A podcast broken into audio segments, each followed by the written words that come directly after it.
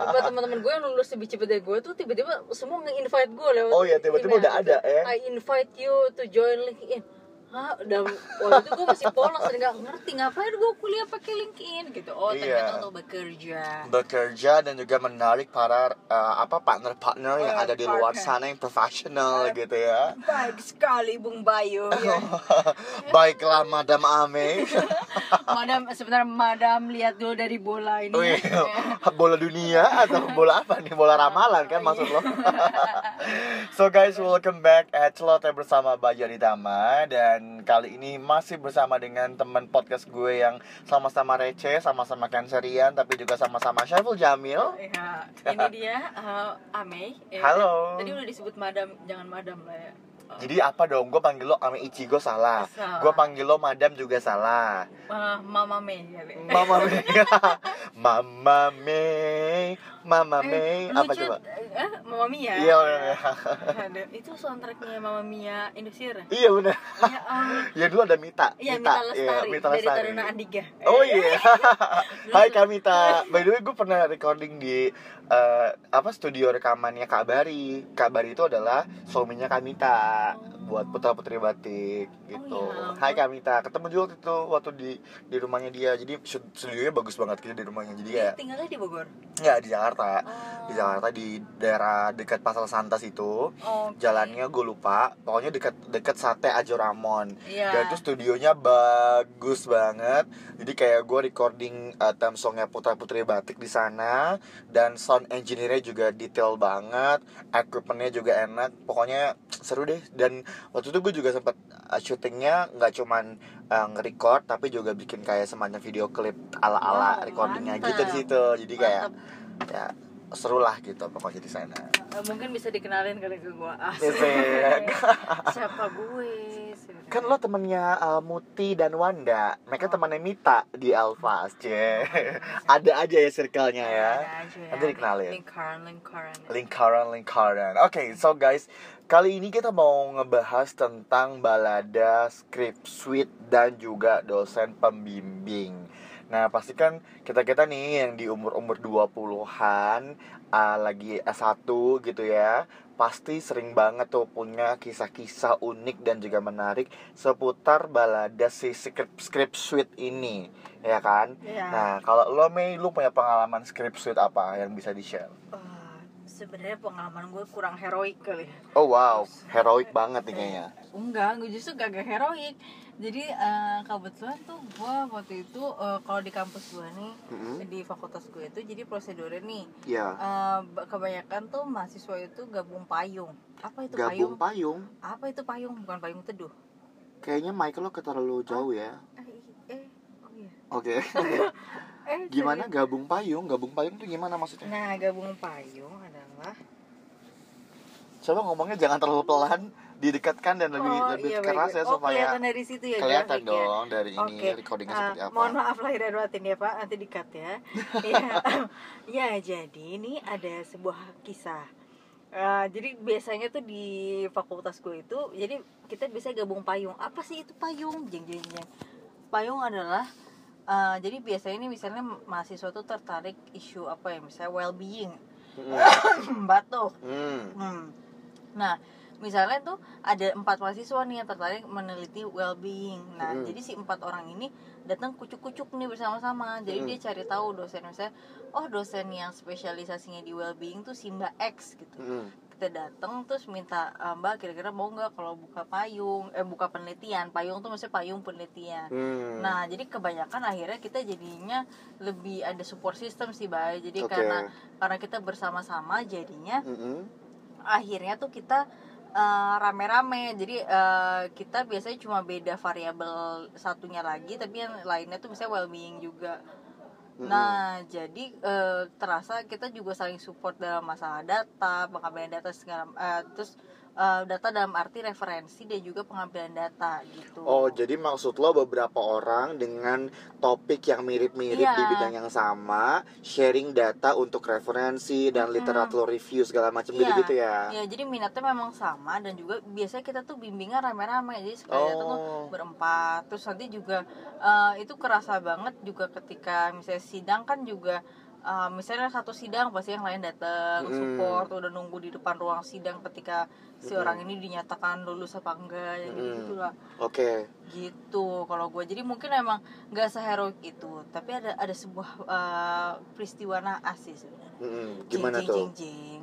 nah naasnya adalah karena si dosen itu jadi kebetulan gini gue tuh mengapproach dosen senior Mm-mm. ibu sebut saja ibu Y ya Mm-mm. nah ibu Y ini dulu uh, emang senior lah mantan dekan juga dulu kan Mm-mm. nah em- emang si ibu Y ini ahli di bidang yang gue tekuni itu seputar lansia kan Mm-mm. tapi ternyata si ibu Y ini ibu eh, suaminya tuh sakit stroke Mm-mm. jadi karena si suaminya ini sakit stroke jadi yang ngebimbing gue tuh bukan beliau jadi ada dosen satu lagi which is itu dia masih muda dan masih baru ya baru dua tahun lah Mm-mm. eh, ngebimbing nah akhirnya tuh si dosen muda ini tuh kayak nggak terlalu nggak terlalu immerse gitu nggak terlalu eh, involve banyak gitu maksudnya Oke. dalam arti ya dia kadang-kadang kayak gue tadinya mau lulus tiga setengah sebenarnya terus kayak Mm-mm. dia tuh kayak eh eh, Ame kita nggak bisa bimbingan ya yang ini eh, soalnya saya ada latihan ini gini gini gini kayak Oh sibuk juga Ah, dianya. tapi kayak asal nyantai gitu loh mama Mm-mm. dan gue juga nggak enak sih pengen ngedesek tapi gue Mm. orangnya waktu itu gue juga nyesel sih gue nggak enakan Mm-mm. Nah, cuma momen uh, momen menyedihkannya adalah jeng-jeng. Ketika udah beres nih semua skripsi terus gue sidang nih, Mm-mm. di akhir menuju sidang tuh ada satu data yang dia minta dihapus kok nggak salah. Apa Mm-mm. Karena apa ditambahkan? Gue lupa. Tapi bodohnya gue juga saat itu masih polos ya waktu Mm-mm. itu kan. uh, jadi sekarang udah gak polos uh, nih. tuh yang them to, to realize kali ya. Oke, itu yang to realize. Ya, terus akhirnya uh, gue ya udah detik-detik itu ya udah gue disuruh tambahin data statistik apa suruh ngapus gitu. Heeh. Nah, cuma gue nggak nanya reasonnya memang ya, udah tuh. Terus, Yang mana itu jadi masalah pada saat sidang. nah pas sidang kebetulan gue dapet dosen yang ahli di bidang statistik. Gue mampus. Wow. Yang teman-teman lain tuh nggak dapet yang statistik, gue doang yang dapet. Nah masalahnya baik, naasnya lagi adalah jadi si mbak mbak penguji gue ini duduk di depan gue nih, si mbak pembimbing itu duduk di belakang. Jadi si kan gue bisa melihat dua sisi dong. Heeh. Misalnya ke si mbak penguji dan mbak pembimbing Heeh. ketika gue ditanya statistik gue kan hmm, kenapa kamu eh, nyantumin kalau nggak salah Ah. nyantumin gini-gini You don't have any reason gitu. iya sebenarnya kayak gue juga tidak sependapat harusnya itu nggak dicantumin cuman kan gue nggak mungkin ini pemimpin saya yang nyuruh Heeh. Eh, Akhirnya? terus pas gue digitu-gituin tuh si mbak itu tuh di belakang gue kan jadi ditegur eh kamu jawab dong gitu mau kalau untung mbak pengujinya nyantai sih kalau kamu nggak jawab saya coret di tangan kamu gitu kan Wih, nah cuma Mohon maaf lagi main gaple apa bagaimana Iya. cara tangannya? Nah, cuma waktu itu gue gak bisa ketawa pada deg Oh iya, oke. ya kan. Kan dosen penguji nih ceritanya nih ya. terus cuman Konsepnya. yang sedihnya adalah si mbak pembimbing gue nih di belakang, which is gue bisa lihat dong ke belakang. Heeh. Dia ketawa dong mbak. Kok jahat Nah, sih? makanya- Kan gara-gara lo, cuy. Iya, iya, dan maksudnya si mbak penguji nggak bisa lihat, gue yang bisa lihat kayak, wow, kayak oh my god, at least lu nggak. Sementara teman gue ada yang sampai segitunya dibela ya sama pembimbing. Heeh. Ini anak saya gini-gini gini gitu kan. Oh. tapi gue ya udah lu kagak bela kagak apa ya tapi lu kagak usah ketawa di atas penderitaan gue Iya, udah gitu lo yang nyuruh ini gara-gara lo. ah, ah, akhirnya Men. makanya akhirnya gue Gila. keluar terus gue nggak banyak cerita sih sama payung gue kayak payung gue nggak ada yang sepenanggungan sama gue terus, ah, akhirnya cuma sampai Tapi pada lulus dong. alhamdulillah Dengan lulus. nilai ada deh biasanya yang rendah gini nilainya A deh. Ah, amin. Amin. Eh, terus akhirnya ya udah tapi eh, konsekuensinya adalah ini tapi ini eh, ya pokoknya ini buat teman-teman yang denger aja lah yang denger banyak lah ya pokoknya akhirnya paling implikasinya adalah gue jadi kayak menjaga jarak sama si dosen ini misalnya Ah, Oke. teman-teman gue kayak misalnya eh, mau ngasih kado atau apa kayak em, Ah, gue lo nanti enggak. aja deh kayak Oke. eh, it, it feels so deep gitu banyak Oh. tapi memang gue ya banyak hal tuh Karena yang Anda telah menertawakan penderitaan saya Iya, yang itu. disebabkan oleh Anda sendiri Iya gitu. betul. Ah, acting Bayu sangat bagus ya. Best leading actor. C, mentang-mentang baru Oscar ya. Iya. Goes to. Iya. Nah kalau gue main, jadi waktu itu tuh gini keadaannya kan karena gue anak Bayu manajemen. jangan goyang-goyang dong. Ini mobil Lu selalu ya pembahasannya mobil goyang kalau setiap kali kita recording. Ayo mobil goyang. Goyang. Ayo goyang dulu bang. Aduh amin. Mobil goyang. Aduh. Aduh. Jadi eh, apa namanya? eh, Eh Bayu kaget gue apa sih? orang itu tukang parkir aneh oh gue gue dari tadi tuh insecure ya bang. Tiap ada bayangan-bayangan tuh gue mikir kayak ini orang mau ngasih makanan kita. So guys ini keadaannya kita lagi recording di mobil Iya. dan lagi nunggu pesanan ayam goreng apa ayam gepuk pak gembus. Awas lu kena awas dan karena mejanya penuh makanya kita mau makan di mobil aja. ya. makanya Ame dia tadi agak-agak insecure tapi ada orang deket mobil tuh dikiranya abang-abang mengotok pintu. Padahal bukan. Atau insecure sama ngarep.com ya. Udah lapar ya. Www.ngarep.com nggak ada. nah jadi eh, karena gue anak bisnis manajemen jadi kan gue bisa memilih beberapa apa major ya. Iya. gue mau milih marketing bisa entrepreneurship atau major tuh bukan operational. temannya kursi meja meja kesel nah udah gitu eh, jadi bisa marketing bisa operational eh, eh. bisa organizational Oh. behavior HRM begitu gitu ya macam-macam nah akhirnya kan kita berlomba-lomba nih untuk mencari dosen pembimbing yang kita anggap tidak akan menyulitkan Oh, gitu iya. kan karena kan kira-kira baik gitu Iya, berarti. soalnya masalahnya di dosen di kampus gue itu di Telkom University itu kan eh, banyak banget dosen yang sibuk banget. oh Nah, jadi karena gue juga kelas internasional, jadi dapat dosennya juga dosen-dosen yang super super sibuk banget, Hmm. yang bisa tiba-tiba mereka pergi ke luar negeri ke mana lah berapa Wow. lama gitu loh. aduh Jadi kan kita mesti ha. selektif ya memilih dosen pembimbing supaya nggak susah bimbingannya Hmm, gitu betul, kan. betul betul Nah akhirnya eh, gue sama teman-teman gue ini beberapa orang kita memilihlah dosen yang eh, cukup baik hati dan cukup Tidak sombong. perhatian, tidak sombong juga adalah Bu Ratna. oh, hai Nah. Bu Ratna Hai Bu Ratna kalau nggak? ibu dengerin saya, mungkin aja. oke Yang dia baik banget. Oke. Nah Bu Ratna ini adalah dosen entrepreneurship.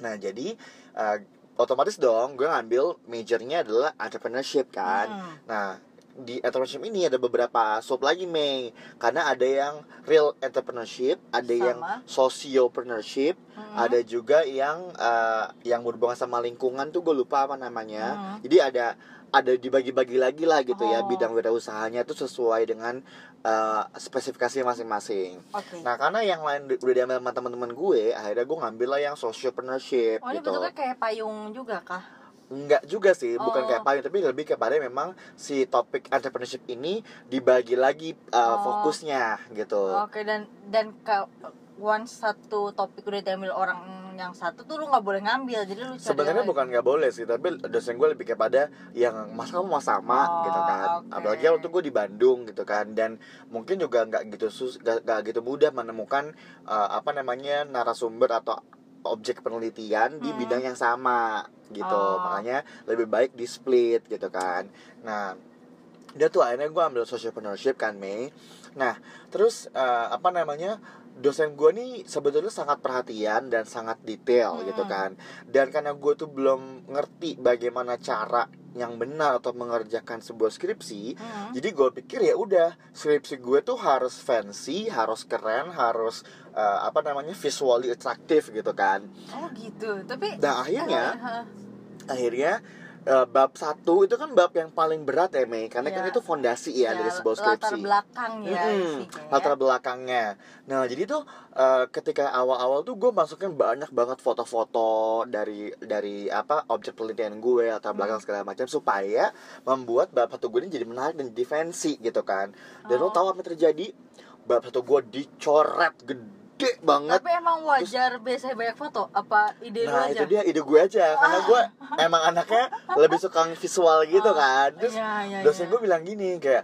Bayu, we don't need fancy Dia bilang gitu. But we need reasonable. Aduh, fans itu selalu mengingatkan gue pada toko Toko. Hai fancy, endorse kita dong. Udah berapa kali kita mention ya? eh, berapa kali kita mention mungkin se- Mungkin sekian se- kali siapa tahu tergugah gitu Iya, ya tetap fancy dengerin. Buka wifi fancy dengerin kita. Iya.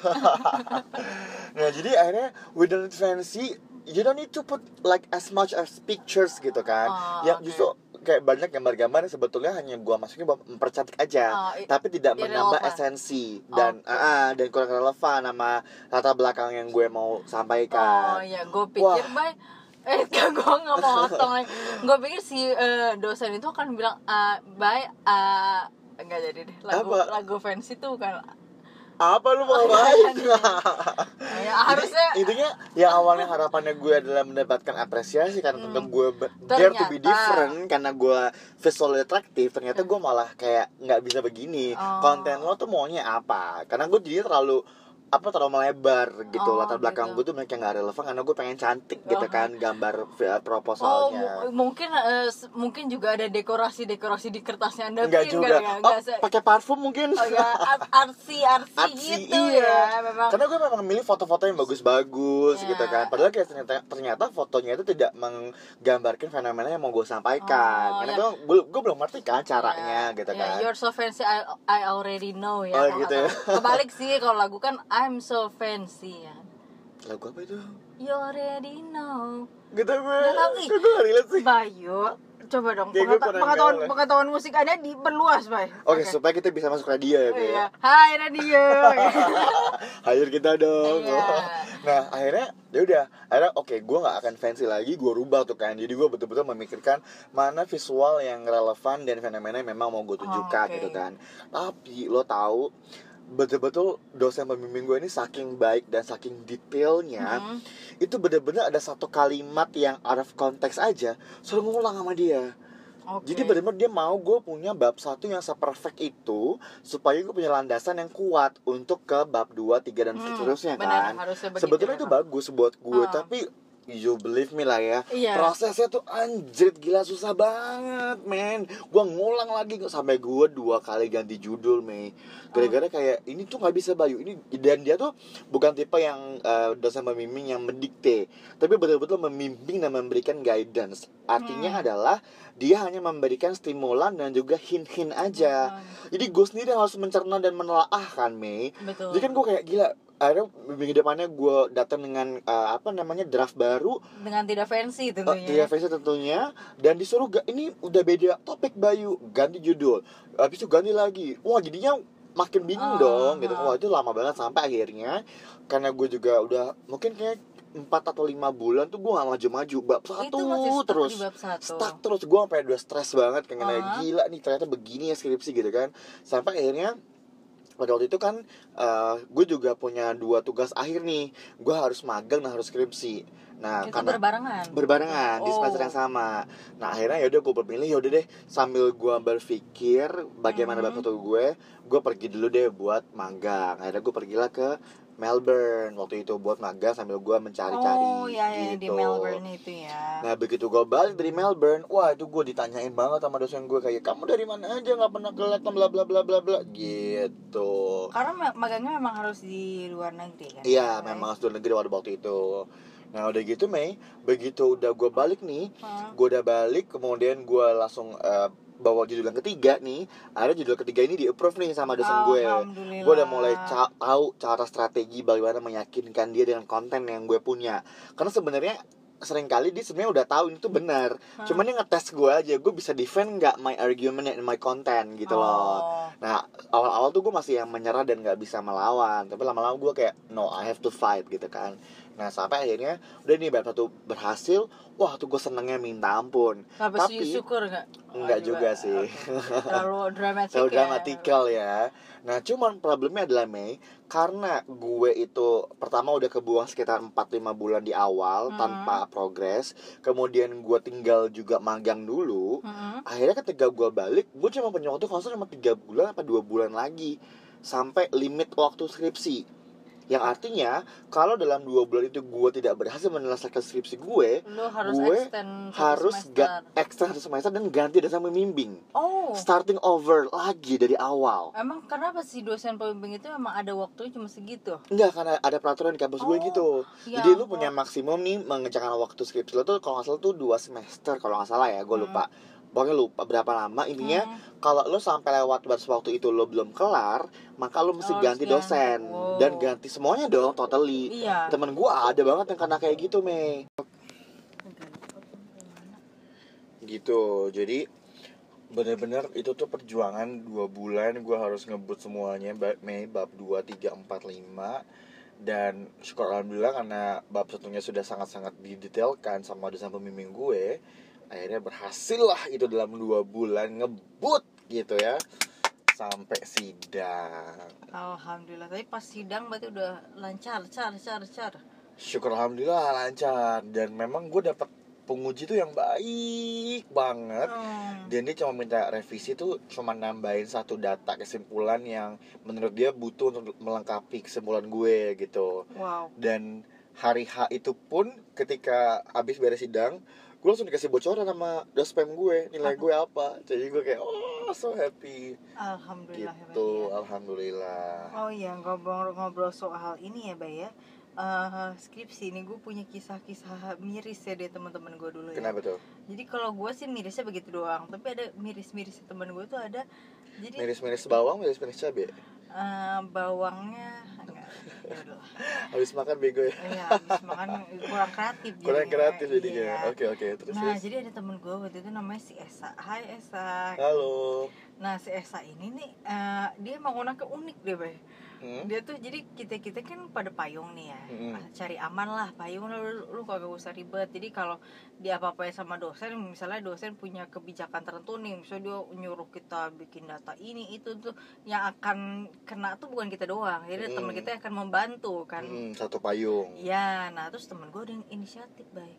Daftarnya bukan kita yang nge-approach dosen langsung, tapi dia daftar lewat sebagian akademik. Jadi yang gue pernah Mhm. cerita tuh, jadi kayak unit akademik yang Hmm? pokoknya segala dia ngurusin segala akademik. Tapi bisa sih lewat situ, tapi akan di random lah si dosennya. Jadi, waduh si Esa masukin aja dong dan proses si Esa masukin, si Esa dapet akhirnya sama eh, dosen namanya bu siapa? Oh ya, pokoknya ada sesuatu dosen ya. killer Nah, iya memang sebut saja Ibu X. Ibu X ini eh, killer dan ribet, Bo. oke Killer, ribet, rempong, eh, eh, padat jadwalnya. Heeh. Nah, si Esa aja tuh udah untuk bimbingannya dia super susah ya. Heeh. Pokoknya kadang-kadang nih hmm, apa ya, misalnya dia udah nungguin terus eh, ternyata sebelum dia tuh harus ada senior yang bimbingan tuh, itu Uh-uh. Kak, eh, Kak Tika, senior gue yang S2. Heeh. Nah setelah Katika beres nih bimbingan kan harusnya si Esa masuk nih buat Iya. bimbingan. Tahu-tahu gini eh, sama si ibu Ibunya. itu, ibu D namanya. Eh, si ibu D ini tuh gini, Esa saya udah nggak sempat bimbingan sama kamu ini udah sore ya. Yaudah kita bimbingan di mobil aja. Uh, wow, sangat Masuklah. intim loh. Masuklah ke Bimbingan di mobil. mobil. Oh, Bergoyang iya. nggak? Enggak. Terus eh, yaudah, ba- eh, oh ya si Esa kan dengan eh, dengan patuhnya. Oh ya baik bu, baik bu. Bimbingan lah dulu dulu terus kayak ibunya pun tidak berpikir. Misalnya si Esa tuh rumah Esa tuh daerah-daerah Jakarta Selatan Lenteng something ya. Heeh. Si ibu tuh rumahnya tuh di kebun jeruk, bay. Waduh, Jadi buset di barat. Si ibu itu nggak mikir, misalnya ini mobil akan berjalan ke mana? Si Ya amat ke mana? namanya juga udah sampai Iya, bimbing ya. Sampai di tengah Sesuka jalan hati. kayak Esa, ah, oh iya, Esa, kamu uh, anaknya diturunin di mana? Gak apa-apa bu, saya yang penting ada busway, ada apa, saya bisa bu. Karena saya Esa ditunggu. Dia menyerah yang penting dia bimbingan. pokoknya gimana akhirnya diturunin di pasar minggu, untungnya nggak terlalu jauh. Terus pernah si Esa itu eh, mirisnya lagi tuh adalah si Esa nih, eh, dia bimbingan hari eh, malam minggu, bay. Uh. Bayangin rumah Esa kan tadi. Mohon maaf ini udah sama bimbing apa kekasih hati ya? Iya. Nah, Malam minggu banget jadi waktu itu dia nggak bisa di di kamp. Nah, kayaknya kelanjutan itu deh. Heeh. Karena nggak lengkap nih nggak bisa apa ya? Diteruskan lah di Dia- malam minggu. ah, di malam minggu. Malam, Malam minggu. minggu. Aye pergi ya. Sama dospem, Nah. Ceh. Terus Esa eh, nyetir mobil lah dari arah. Lenteng itu. Heeh. Bayangin ke, ke- oh, jalan panjang ke Bonjeruk situ tuh. Gila. Nah nyetir udah gitu pas nyampe si Esa tuh udah, udah beli bretok cuy. Oh, untuk bawaan ke dosen. Iya, Udah udah- kayak mau ngapel ya. Ya, terus ya, karena emang ada killer ribet dan segala macam itu sih, Bu. Heeh. terus misi bu gini gini gini terus ternyata dia dapat eh, masukan yang kurang enak lah feedbacknya pokoknya nggak disetujui atau apa gitu ya. Terus saya Esa tuh nangis bay maksudnya si Esa tuh kayak, kayak bu tolong saya dari selatan ke barat nih bu saya mencari Udah bawa bretok barat." lagi nih Iya. gitu ya. Aduh Terus, udah eh, modal nih. Si Esa nangis dengan segala perjuangannya dia mau bimbingan susah dia nangis terus ya maksudnya gue berharap dosen psikologi kan empatinya gede ya boleh enggak. Esa kamu eh, Esa kamu jangan nangis ya kamu harus resilient Waduh. gue gak main aduh gue gak habis pikir ya si Esa tuh kasihan mah udah macet-macet gitu kan. Terus eh, Esa tuh kayak udah mau ke mobil mau balik lagi sih mau ngasih kue. Esa udah gak usah balik lagi. Sedih banget. Ini si Esa pulang lah. Dibawa ke rumah itu kue-kuenya terus akhirnya. untungnya si Esa teh ketemuan sama pacarnya. Jadi di tengah jalan teh kan gue nanya selalu jadi pulang teh nyetir mobil teh nangis nangis gitu ya? Enggak gue ketemu pacar gue akhirnya eh, di mana terus akhirnya pacar gue yang lanjutin nyetir Oh, Nah, no. terus belum ber- How berakhir sweet. nih kisah Esa kisah Oh. Esa tuh sampai akhirnya udah bimbingan kesekian sekian si Esa dipanggil sama manajer pendidikan gue ini Esa eh, kamu eh, Bentar nih Esa ini anak pertama pasti ya iya Esa eh, karena pertama janjian tunggal Oh ya Esa, Esa ya nah si Esa ini akhirnya Atau mungkin lahirnya di hari Selasa Dia panggil Ah. Esa. iya bisa deh. Atur. Ya oke oke. Jiwa-jiwa yang apa Arya Wiguna gue mau keluar. Oh iya. Atau ini kau mau subur Iya, nah terus akhirnya si Esa tuh dipanggil sama manajer pendidikan gue, baik. Ah, Wih manajer loh. Terus? Alhamdulillah. Alhamdulillah. Ya nama kau. Hmm, Aduh amin. Semoga gak corona ya. Semoga gak corona Dari Cina nih. Anjir. Coy coy coy coy coy coy Jangan bercanda loh Amit amit dong Bayi takut Apa sih? Takut kalau beneran dari Cina Oh, semacam iya iya. Nah, akhirnya tuh si Esa tuh dipanggil sama manajer pendidikan gue namanya Mbak Fani. Esa, kamu udah tahu kabar Bude? Ehm, Bude tuh diangkat jadi dubes. Enggak kok bu, katanya Bude masih lama jadi bu, jadi dubes. Jadi dia jadi dubes di salah satu negara di Amerika Selatan gitu. Wow. Nah terus katanya tuh kayak enggak Esa kata Mbak Fani tuh. Enggak Esa saya baru kok nyelamatin bu, eh, Bude. Bude udah resmi jadi dubes. Berangkatlah Budi itu. Nah, ya akhirnya si Bude kagak briefing, nggak nggak ngomong. Kan harusnya kayak lu bayangin lu jadi pemimpin harusnya tanggung jawab dong. Kayak lu akan mela- eh, mengalihkan ke siapa? Akhirnya ya udah akhirnya eh, kebetulan si Esa Esa disuruh Esa cepetan kamu cari pembimbing gitu. Ganti? Eh, iya ganti. Akhirnya Oh, kebet untungnya kebetulan si Esa ini punya sebenarnya Esa tuh punya pembimbing akademik namanya Mbak Ira, which is Mbak Ira ini sebenarnya kayaknya masih se setopik lah sama si Bude Mm-mm. ini. Sampai dia tuh Esa kamu kenapa nggak bilang sama saya? Kenapa nggak Bude? Bude kan ribet. Akhirnya kalau nggak salah dia akhirnya dibimbing sama pembimbing akademis saya cuman emang gue nggak tahu ya, apa mungkin karena itu kali ya si Esa jadinya extend nggak tepat empat tahun waktu. gitu tapi gue lega sih akhirnya Esa berpisah dengan Bude dengan segala drama dia dan Bude yang Padahal kalau dia tetap sama Bude jadi bisa jadi portofolio loh. Wah saya dibimbing oleh seorang ibu dubes gitu. Tapi lu Tapi gue maksudnya si ibunya jadi duta besar atau itu ke suaminya? ya ibunya jadi duta besar Wih karena gila. kebetulan ibu gua Hedon juga nih si ibu karena ibunya ini by the way by dia sebenarnya orang Bogor gue jadi curhat sih Oh gue cari nih coba Enggak, orang. Bogor Enggak. dari D dubes Eh, dengan enggak, Amerika. Selatan. oh ada dia kebetulan ada Denada, Denada, Bukan. Diandra, Diandra, Bayu Dona. timbe di lebar timbe ya kebetulan Curhat serem banget ya. ya karena gue pernah searching nama si ibu ini nah kebetulan ibu ini juga adalah seangkatan sama uak gua dulu Uh, circle lo Iya, ya. was uh, not my circle tapi gue tahu aja gitu. Oke. Nah kebetulan dia emang uh, uh, punya riwayat pejabat lah. Jadi uh, kakeknya dia itu uh, pahlawan nasional. Oh, Terus udah gitu wow. suaminya dia ya, apa mertuanya dia tuh dulu mantan gubernur Jakarta. Terus dia sendiri Wah ini gampang dicari nih asik loh. Terus ibu ini kalau nggak salah pernah jadi caleg deh, baik Oh, dari salah satu gila. partai uh, berwarna biru. Oh PDI, eh, PAN, kok PDI sih? Uh, oh, ada lah pokoknya. Terus Oke kayak Demokrat.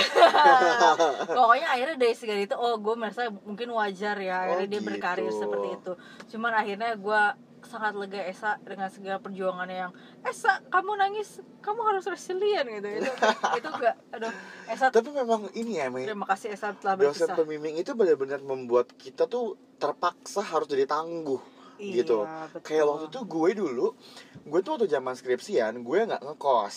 Bos. karena kan gue ngerasa ah kalau bimbingan kan cuman paling seminggu juga belum tentu ada gitu oh kan. ternyata. Nah jadi gue tuh ya udah gue pulang pergi aja Bogor Bandung tuh waktu gue skripsian. Jadi gue cuma ke Bandung kalau ada jadwal bimbingan. Gila, selebihnya gue akan kerja dari Bogor dan gue juga nggak cuma skripsian kan gue ada kerjaan kerjaan lain juga gitu sama yang yang gue kerjain. Hmm. Nah sering kali nih nggak cuma sekali dua kali berkali-kali keadaannya adalah kan tipenya dosen pembimbing gue ini eh, dia tuh nggak bisa tag jadwal dari jauh-jauh hari Oh. jadi kalau lo mau bimbingan lo mesti WA dia pagi-pagi di hari itu wow. Gitu Mei. Nah jadi paling tuh gue cuma bisa memastikan kayak bu kira-kira minggu depan ibu ada waktunya di hari apa? Gitu kan. Supaya di hari itu nah kan dibilang Rabu ya gitu. Nah Rabu pagi-pagi banget jam 5 subuh tuh gue udah mesti WA dia gitu Hmm. memastikan bahwa gue dapat slot buat masuk ke schedule harian dia Iya. gitu gue nggak bisa tuh dari seminggu sebelumnya udah ngetek ya bu besok rabu minggu depan jam 9 udah bisa nggak bisa gitu jadi gue selalu selalu gambling nih sama jadwal bimbingan gue nah akhirnya kan ketika pada waktu itu misalnya gue dapat jadwal rabu nih gitu kan minggu depan nah gue otomatis gue harus prepare dong gue harus booking either travel atau gue ya naik bus tapi kan lama ya kalau naik bus ya Hmm. Nah, jadi gue biasanya booking travel Cipaganti waktu itu yang paling pagi, yang pemberangkatan jam 4 pagi, jam 3 udah dijemput di rumah. Supaya gue jam 6 tuh udah nyampe kampus. Dan gue standby aja di kampus jam berapapun bimbingannya. Hmm. Jadi tuh sering kali keadaannya eh, jam 3 gue dijemput gitu kan. Kemudian di tengah-tengah perjalanan jam 5an gitu gue udah WA dia Selamat pagi bu gitu kan. Hari ini jadi bimbingan kah bu? Jam berapa saya bisa ketemu ibu? Karena kan dia ngasih arahan jam hari Rabu kan. Hmm. Nah udah tuh gue tunggu dia balas Nanti dia, dia balas nih Oke Bayu kita ketemu nanti jam 9 ya Atau jam 10 gitu kan di ruangan saya. Oke. Nah itu gue biasanya dari jam setengah jam sebelumnya gue udah standby tuh Di depan eh, ruangan dosen Hmm. gitu kan Nungguin. Nah sering kalinya tuh kejadiannya apa Mei? Tiba-tiba nanti dia udah bilang Minggu depan hari Rabu ya. Nah jam 5 paginya atau jam 6 paginya gue WA Nanyain jam berapa kita mau ketemu. Tiba-tiba Bayu sorry hari ini ternyata saya mendadak harus ke sini kita uh, reschedule aja ke hari Jumat ya. Atau kita reschedule aja ke minggu depan ya. Hmm. dan itu posisinya gue udah nyampe ke Bandung. Dan itu sering banget. Jadi gue Hmm. tuh cuman kayak ke Bandung for the sake of nyampe kampus numpang makan numpang ke Ciwok atau ke PVJ terus gue pulang lagi ke Bogor. Dan gue gak bimbingan. Dan itu gue kayak gue gak bisa protes men. Karena Hmm. sabda seorang dosen pembimbing itu ya udah kayak sabda nabi yang emang lo, lo ikutin aja jadi mau nggak mau kayak ya bu baik bu terima kasih bu arahannya gitu kan Iya betul. iya gak sih Tapi at least lu uh, nggak harus uh, pergi dengan menangis ya. Kayak Esa ya, kayak Esa. Esa itu. Udah gitu udah nangis. Esa kamu harus resilient padahal udah bawa bretok. Sedih itu. sedih Itu banget sedih banget itu itu Esa. sudah jat- sudah jatuh tertimpa tangga kemudian kepleset Iya. Ya, tapi Esa bisa lulus tuh kayak wah Esa emang Jadi pokoknya buat semua dari kalian yang lagi skripsian di luar sana Nikmatin aja semua prosesnya Nikmatin segala macam drama yang ada sama dosen pembimbing kalian. Karena percayalah bahwa setiap ujian di dalam skripsi proses itu Pasti akan mendewasakan kita Kemudian membuat kita semakin tangguh untuk menghadapi masa-masa bekerja yang pastinya nggak akan lebih mudah Hmm. dan kemudian juga pastinya segala macam seluk beluk di skripsi itu membuat cerita skripsi kita menjadi tidak flat Betul. karena kalau kata Citato life is Is never never flat flat. yeah